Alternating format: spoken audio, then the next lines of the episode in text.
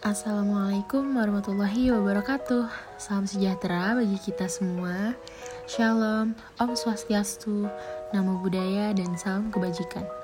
Selamat pagi, siang, sore, atau malam Di mana pun dan kapan pun kamu mendengar podcast ini. Nah, gak afdol nih Sebelumnya perkenalkan, aku Hana Natasha Arif, NIM 2011111220010. Aku dari kelompok 9, Glosoparingel, Fakultas Kedokteran Gigi, Universitas Lampung Mangkurat.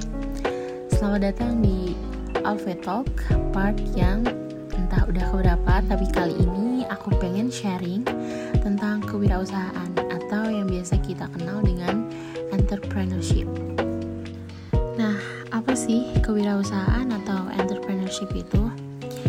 Jadi, kewirausahaan atau entrepreneurship itu adalah proses mengidentifikasi, mengembangkan, dan membawa visi ke dalam kehidupan.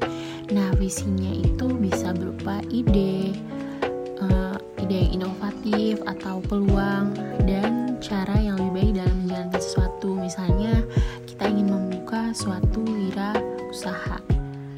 Nah, dari yang aku baca, karakteristik paling utama dari entrepreneurship itu adalah adanya aktivitas ekonomi.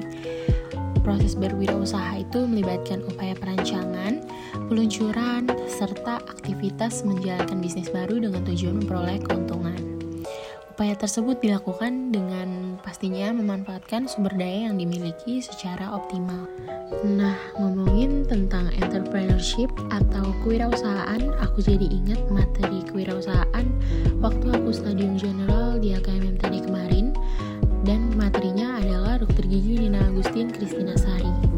Jadi, menjadi entrepreneur di era milenial itu uh, tentunya kita bisa menjadi leader untuk diri kita sendiri lalu kita dapat mandiri secara finansial kita bisa memegang kendalinya lalu uh, semakin ke depan tentunya saja uh, kita bisa menjadi uh, orang yang kreatif yaitu um, maksudnya uh, kreativitas tanpa batas lalu uh, kita juga bisa multitasking nah apa sih mas tuduhnya buat kita menjadi entrepreneurship atau membuka wirausaha yang pertama itu ada mindset uh, kita harus ubah mindset kita dari mencari kerja menjadi menciptakan lapangan kerja.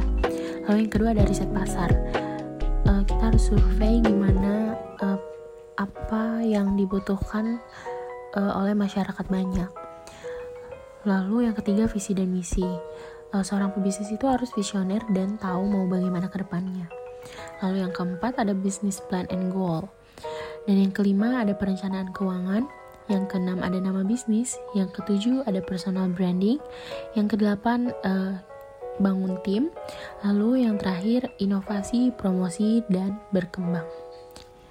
Ada suatu quotes yang menurut aku bagus dan cocok banget buat uh, kita yang buat kita dan siapa pun yang lagi pengen ataupun yang lagi berwirausaha yaitu nothing worth having comes easy. Nah, mungkin itu dulu dari aku, kurang dan lebihnya mohon maaf. Hmm, aku akhirin di sini. Uh, terima kasih udah mendengarkan podcast tutup. Wassalamualaikum warahmatullahi wabarakatuh.